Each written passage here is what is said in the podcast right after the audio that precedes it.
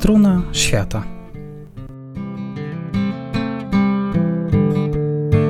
Audycja historyczna Adriana Truna.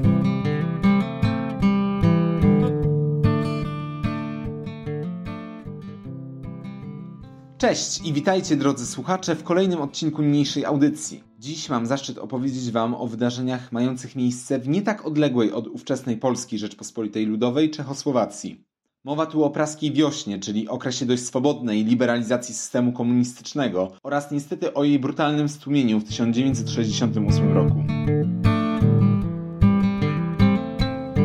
Żeby jednak dogłębnie i szeroko wyjaśnić to zagadnienie, pokażę Wam wpierw, drodzy słuchacze, genezę ustanowienia systemu totalitarnego w Czechach i na Słowacji, gdyż droga ta, odmienna od naszych doświadczeń po wojnie, pozwoliła komunistom na przejęcie władzy z dość dużym mandatem społecznym. Jak się więc stało, że Czechosłowacy tak znacząco wystąpili przeciw marksizmowi? Jak doszło do zmiany patrzenia na system? Jak przebiegły te wydarzenia? To wszystko w niniejszym odcinku, na który serdecznie zapraszam. Zaczynajmy więc.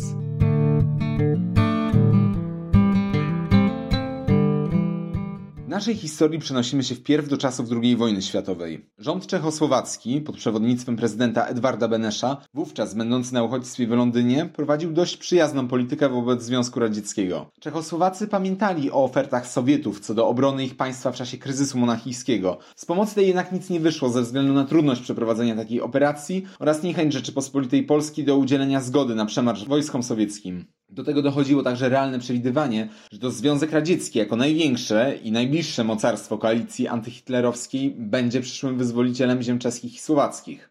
Wobec braku większych roszczeń terytorialnych wobec Czechosłowacji, tutaj z wyjątkiem rejonu Rusi Zakarpackiej, Czechosłowacy mogli liczyć na poszanowanie podmiotowości ich władz oraz na dobrą współpracę z Sowietami. Działania te staną się częściowo faktem, gdyż po wkroczeniu Sowietów w 1945 roku na teren słowackiej części Czechosłowacji został utworzony 4 kwietnia tzw. Tak rząd koszycki. Rząd ten był koalicją komunistycznej partii Czech, socjaldemokratów, Partii Narodowo-Socjalistycznej, czyli to była baza polityczna prezydenta Edwarda Benesza, Czechosłowackiej Partii Ludowej, która będąc ostoją rolników i będącą wspieraną przez duchowieństwo katolickie była tą partią centroprawicową, oraz przedstawicieli słowackich. Na czele rządu stanął Zdenek Firlinger, socjaldemokrata, jednakże pod mocnym wpływem komunistów, zaś de facto agent NKWD.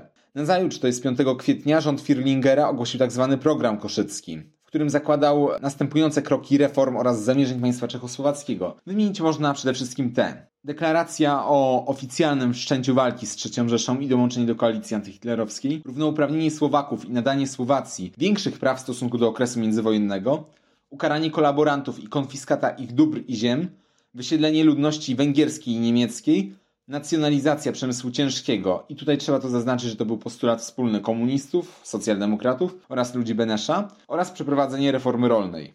Wiarygodności rządowi Firlingera dodał prezydent Benesz, który przyjechał specjalnie z Londynu i pozwolił na użycie swoich prerogatyw, jaką właśnie jest wprowadzanie dekretów, do wprowadzenia właśnie tych wyżej wymienionych reform.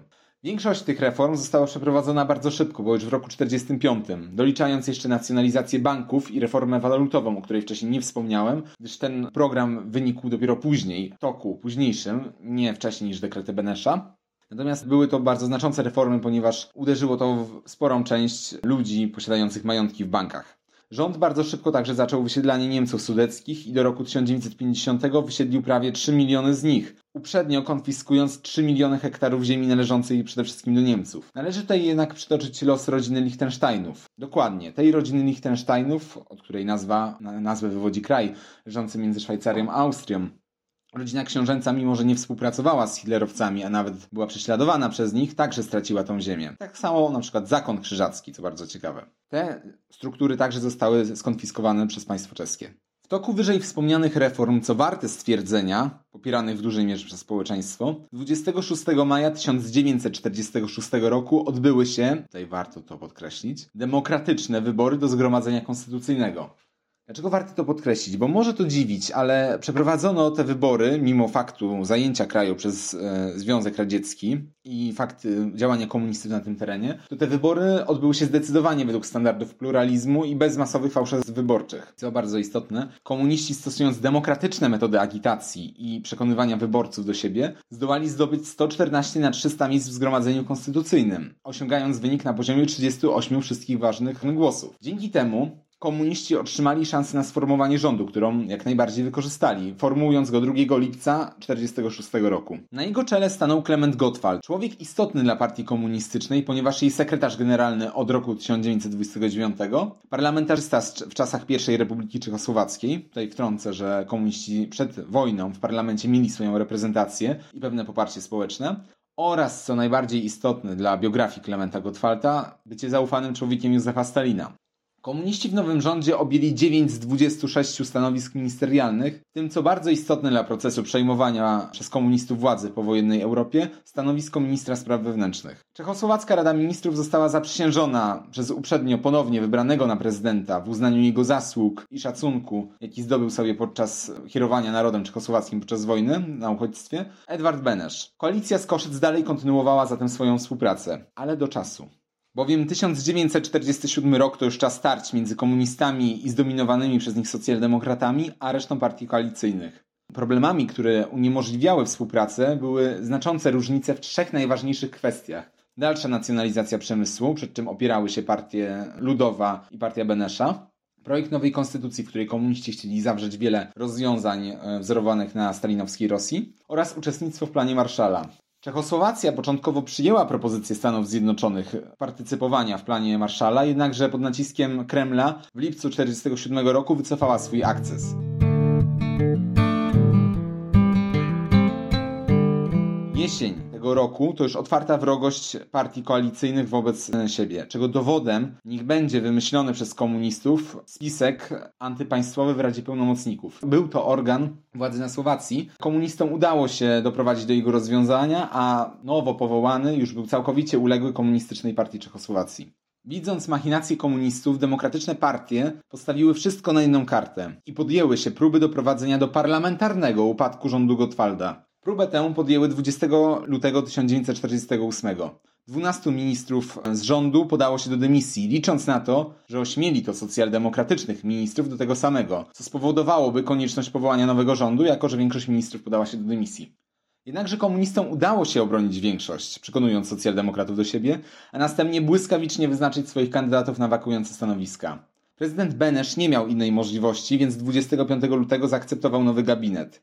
Ulica, społeczeństwo, przynajmniej Pragi, wydawało się, że w dużej części popiera komunistów, którzy umiejętnie organizowali strajki, wiece na rzecz swojego poparcia i dzięki temu tworzyli wrażenie, że są stroną dominującą społecznie.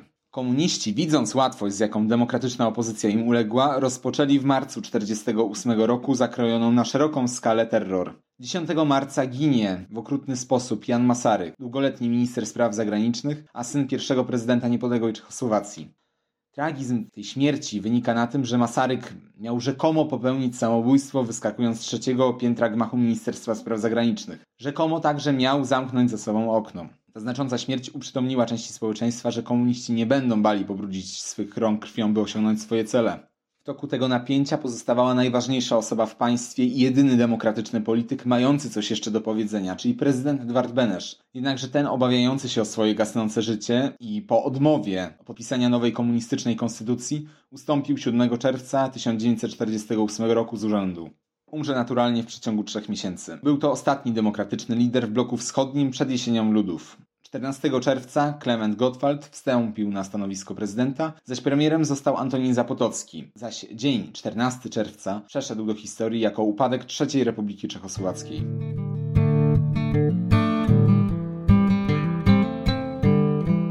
Od tego momentu zaczyna się pełna stalinizacja Czechosłowacji. Czas czystek i procesów politycznych się nasilił, a który najpierw objął działacze byłych partii koalicyjnych. W wyniku wielu procesów skazano wiele tysięcy z nich na więzienie, czy też także śmierć.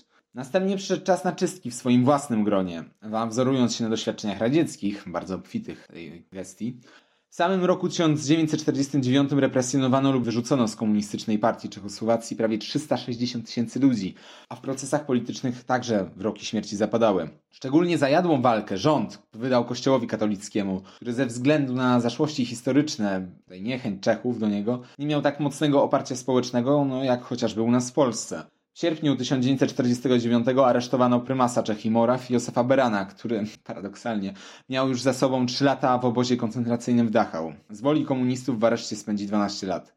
Rok 1952 to apogeum terroru skierowanego w stronę społeczeństwa. Najważniejszym wydarzeniem tego roku był proces tzw. Tak bandy Slańskiego. Po zapadnięciu wyroku stracono wicepremiera Slańskiego, ministra spraw zagranicznych oraz czterech wiceministrów. Od 1948 także kolektywizowano brutalnie rolnictwo, nierzadko uciekając się do przemocy, by przyspieszyć proces tworzenia nieefektywnych i marnujących swoje zasoby tzw. Tak spółdzielni pracowniczych. Wzrost produkcji rolnej Czechosłowacji w wyniku tego w następnych latach był minimalny. Wbrew zapowiedziom, Słowacy nie uzyskali na nowej wersji Czechosłowacji, a nawet wręcz przeciwnie. Dyktat Pragi był szczególnie brutalny, a nawet gorszy niż przed wojną. Walczono z tradycjami narodowymi Słowaków, określając je jako szkodliwy burżuazyjny system życia. Zatem wprowadzano walkę ideologiczną do poczucia narodowości. Co dla Słowaków też okrutne, ci, którzy walczyli przeciwko dyktaturze Józefa Tiso i Słowacji tej faszystowskiej, także byli tępieni. Bohaterowie powstania słowackiego byli dyskryminowani i nawet prześladowani. Co ciekawe i o dziwo, złagodniał reżim komunistyczny w stosunku do pozostających jeszcze w Czechosłowacji Węgrów i Niemców, którym nawet pozwolono na ograniczoną działalność kulturalną. Wreszcie nastał rok 1953, a z nim nastąpiły dwa ważne zgony. Najpierw śmierć Stalina 5 marca, a następnie jego wasala Klementa Gottwalta 14 marca. Jednakże te dwie śmierci nie doprowadziły praktycznie wcale do ulżenia ludności Czechosłowacji. Następcą Gottwalda na stanowisku prezydenta został Zapodocki, premierem został wyznaczony William Shiroki, zaś pierwszym sekretarzem Komunistycznej Partii Czechosłowacji Antonin Nowotny. Warto to nazwisko zapamiętać, gdyż e, on będzie w przyszłości symbolem ucisku i represji systemu komunistycznego wobec Czechosłowaków. Kolejna reforma walutowa, mająca miejsce kilka miesięcy później, oraz zniesienie kartek i drastyczny, spowodowany tym skok cen żywności, doprowadziły do manifestacji i rozprawienia się z nimi za pomocą siły. Dość jasny sygnał, że władza nie zamierza odpuścić mimo zmian personalnych.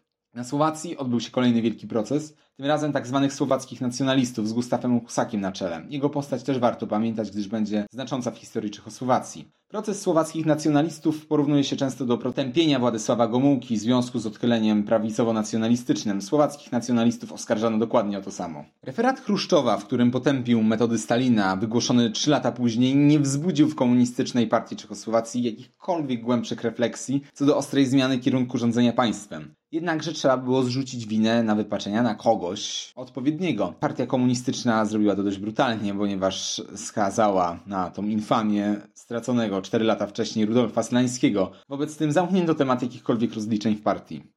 Nie bez znaczenia było także to, że osoby odpowiedzialne za terror w dalszym ciągu trzymały ster władzy, no i ani myślały się z nim rozstawać. Koniec lat 50. to wzrost władzy przede wszystkim Nowotnego, który dalej stosując metody stalinowskie zwiększał swoją władzę i wpływy w partii i w kraju. W 1957 objął stanowisko prezydenta po zmarłym Zapotockim, a swoją wizję zmian w państwie realizował no, chociażby także poprzez zmianę konstytucji i nazwy kraju na Czechosłowacką Republikę Socjalistyczną, co nastąpiło w roku 1960. W wyniku tych ustaleń Słowacy stracili jeszcze więcej praw w stosunku do poprzednich lat i praktycznie większość swoich uprawnień autonomicznych. Tak więc równouprawnienie Czechów i Słowaków zapowiedzianych w programie koszyckim nijak się miało do rzeczywistości, którą komuniści wytworzyli.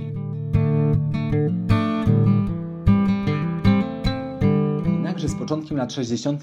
zaczynała powoli wiać delikatna bryza zmian. Brak dogłębnych reform systemu, nasilające się kłótnie z większymi dogmatystami niż on sam oraz wizja zastoju państwa zmusiły Nowotnego do delikatnej, delikatnej liberalizacji systemu. Przynajmniej tak myślał, że tak się skończy. Jesienią 1961 ogłosił walkę z kultem jednostki, czego wymownym aspektem było wyburzenie monstrualnego pomnika Stalina w Pradze. W 1962 rozpoczęto pracę Komisji do spraw zbadania procesów politycznych z lat 1948-54 i wyniki opublikowane w sierpniu 1963 wstrząsnęły bardzo mocno opinią publiczną i ośmieliły tworzące się liberalne skrzydło komunistycznej partii Czechosłowacji rozpoczęcia działań przeciwko dogmatykom, no ogólnie zwanemu betonowi. Na Słowacji w tym czasie doszedł do władzy Aleksander Dubczek, liberalny działacz komunistycznej partii Czechosłowacji.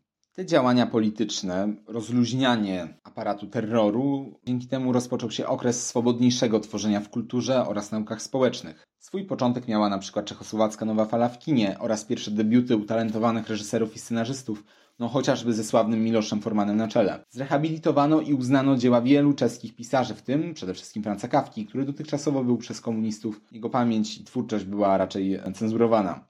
Zachodu zaś nadciągały wpływy kultury młodzieżowej, co ośmielało do podnoszenia postulatów dalszej przebudowy systemu, przede wszystkim głosami studentów, najbardziej podatnych na te zmiany.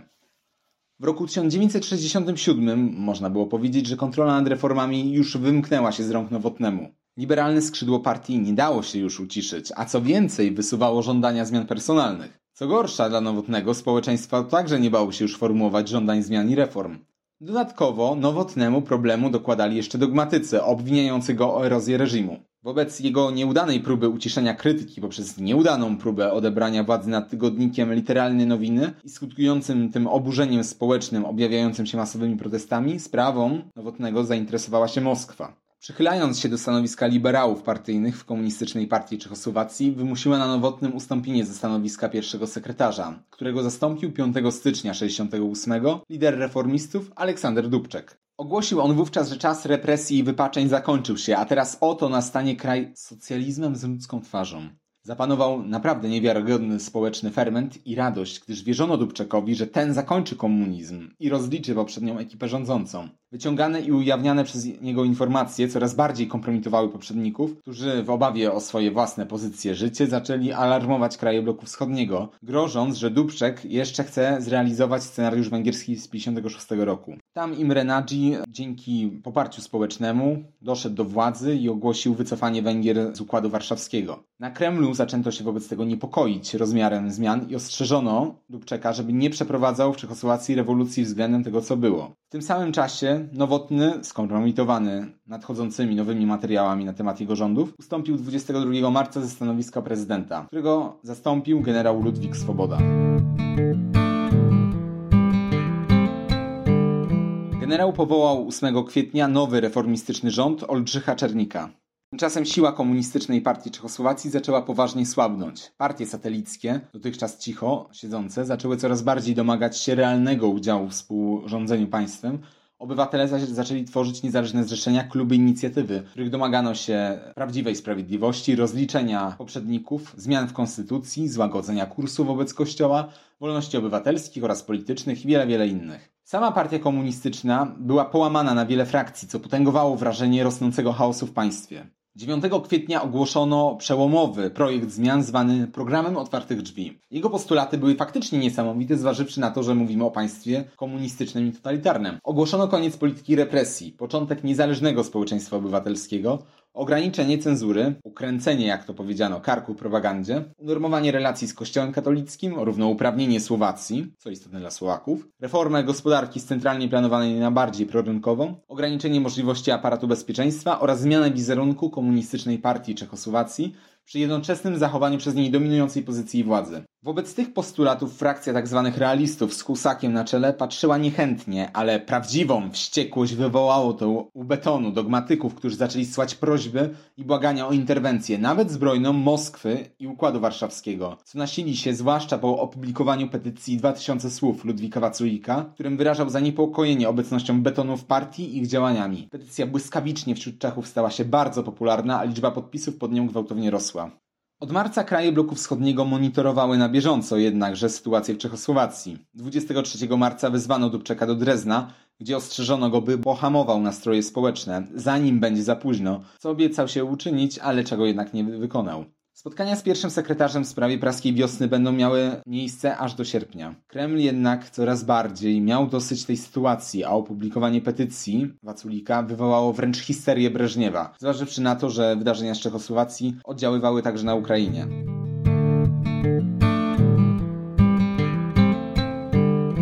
Czechom nie pomagało podjudzanie sowieckiego przywódcy przez Władysława Gomułkę i Waltera Ulbrichta, którzy oprócz strategicznych powodów potencjalnego opuszczenia przez e, Czechosłowację Układu Warszawskiego, tutaj musimy sobie wyobrazić, tak, Czechosłowacja wbijająca się klinem głęboko pomiędzy Rzeczpospolitą Ludową, Węgry, aż do Rumunii i dotykając granic ZSRR, mogłaby być idealną bazą dla wojsk NATO. O to się politycznie, strategicznie obawiał Gomułka i Ulbricht. Natomiast politycznie sami chcieli na tym zyskać, ponieważ Gomułka był ciężko poturbowany po wydarzeniach marca 1968 roku, natomiast Ulbricht próbował zbudować sobie lepszą pozycję w bloku wschodnim. W lipcu w Warszawie zebrało się przewodnictwo głowy państw, państw komunistycznych bloku wschodniego. Mianowicie spotkali się Breżniew, Gomułka, Ulbricht, Kadar, czyli przywódca partii węgierskiej oraz Żywkow, przywódca partii bułgarskiej. Wystosowali oni ultimatum ostrzegające komunistyczną partią Czechosłowacji przed porzuceniem socjalizmu. Ustalono także, że należy dokonać inwazji na Czechosłowację siłami Układu Warszawskiego, a zakamuflowaniem tego zamiaru miały być ćwiczenia wojskowe, które już zresztą od maja miały miejsce na terenie PRL-u i NRD. Tak właśnie stworzyła się doktryna Breżniewa, która zakładała obronę siłą ustroju komunistycznego w kraju demokracji ludowej, nawet wbrew samym zainteresowanym. Dubczek, mimo woli demokratyzacji państwa, trzeźwo nie podnosił haseł antyradzieckich, jednakże nie rozumiał, a także kręgi liberałów partyjnych, nie rozumieli powagi sytuacji, która właśnie się zbliżała. A to miało zemścić się już bardzo szybko. 600 tysięcy żołnierzy Układu Warszawskiego przekroczyło granicę czechosłowacką w nocy z 20 na 21 sierpnia, oficjalnie na prośbę części członków Komitetu Centralnego Komunistycznej Partii Czechosłowacji. 30 lat później Wacław Havel otrzyma e, z rąk Rosjan listę tychże dogmatyków, którzy faktycznie wezwali na pomoc Związek Radziecki.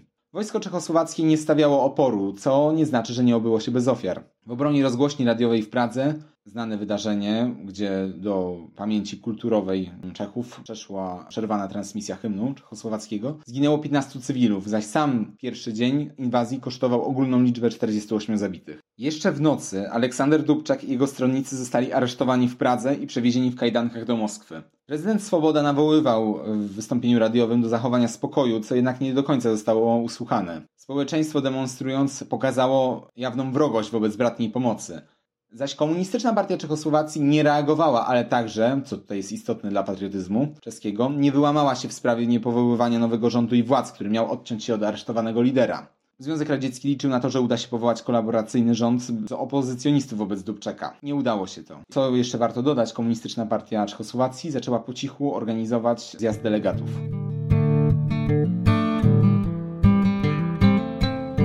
Zjazd ten odbył się w tajemnicy 22 sierpnia w Wysoczanach. 14 zjazd e, Komunistycznej Partii Czechosłowacji potępił inwazję układu na Czechosłowację. I e, Związek Radziecki, widząc problem w oporze Czechosłowaków, że ci nie garną się do współpracy wobec tej interwencji, rozpoczęły rozmowy z popularnym aresztowanym Dubczekiem.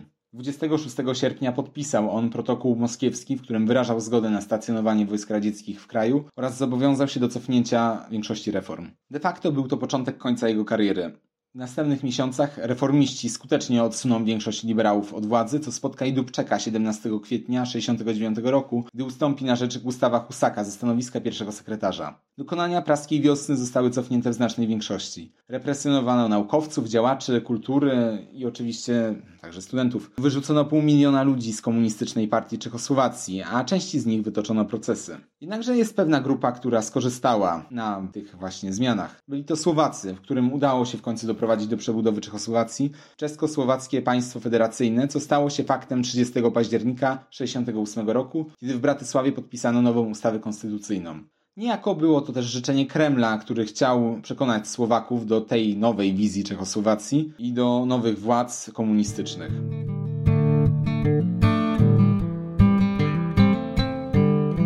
Tyle z przebiegu praskiej wiosny, a jej konsekwencje? No cóż, one były bardzo poważne. Przede wszystkim do rangi symbolu wobec tragizmu praskiej wiosny należy zaliczyć samo spalenie się Ryszarda Siwca 8 września na stadionie dziesięciolecia w Warszawie w obecności 100 tysięcy ludzi, władz państwowych, a także przedstawicieli zagranicznych, którzy przekazali wiadomości o tym incydencie. Samo spalenie się było jawnym krzykiem przeciw interwencji. I 16 stycznia 1969 roku Jan Palak, 21-letni student Uniwersytetu Karola, zrobił dokładnie to samo co Ryszard Siwiec. Też dokonał samospalenia, zaś jego pogrzeb 25 stycznia okazał się 100-tysięczną manifestacją narodową. W sierpniu w Pradze odbyły się protesty z okazji rocznicy inwazji na Czechosłowację, także brutalnie stłumione. W Czechosłowacji upadła tradycyjna sympatia do Rosji i solidne poparcie dla idei socjalistycznych, które było trwałe, ponieważ sięgało już od czasów międzywojennych. Społeczeństwo odwróciło się od władz komunistycznych i popadło w marazm, to jednak nie doprowadzi do żadnych zmian aż do czasu jesieni ludów. W krajach bloku demokracji ludowej, wśród inteligencji i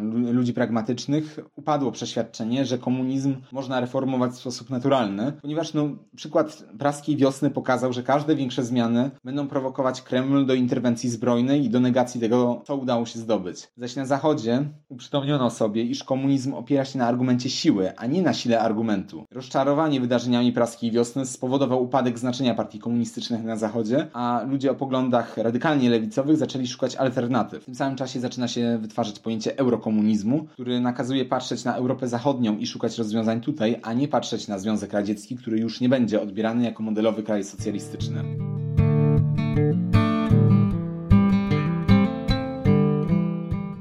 Tak więc to tyle na dzisiaj. Zapraszam serdecznie do zostawiania reakcji, komentarzy, dawania subskrypcji kanałowi oraz do odsłuchiwania dotychczasowych materiałów. Trzymajcie się i do usłyszenia. Cześć!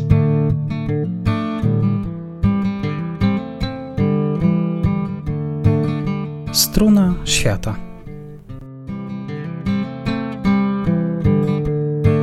Audycja historyczna Adriana Truna.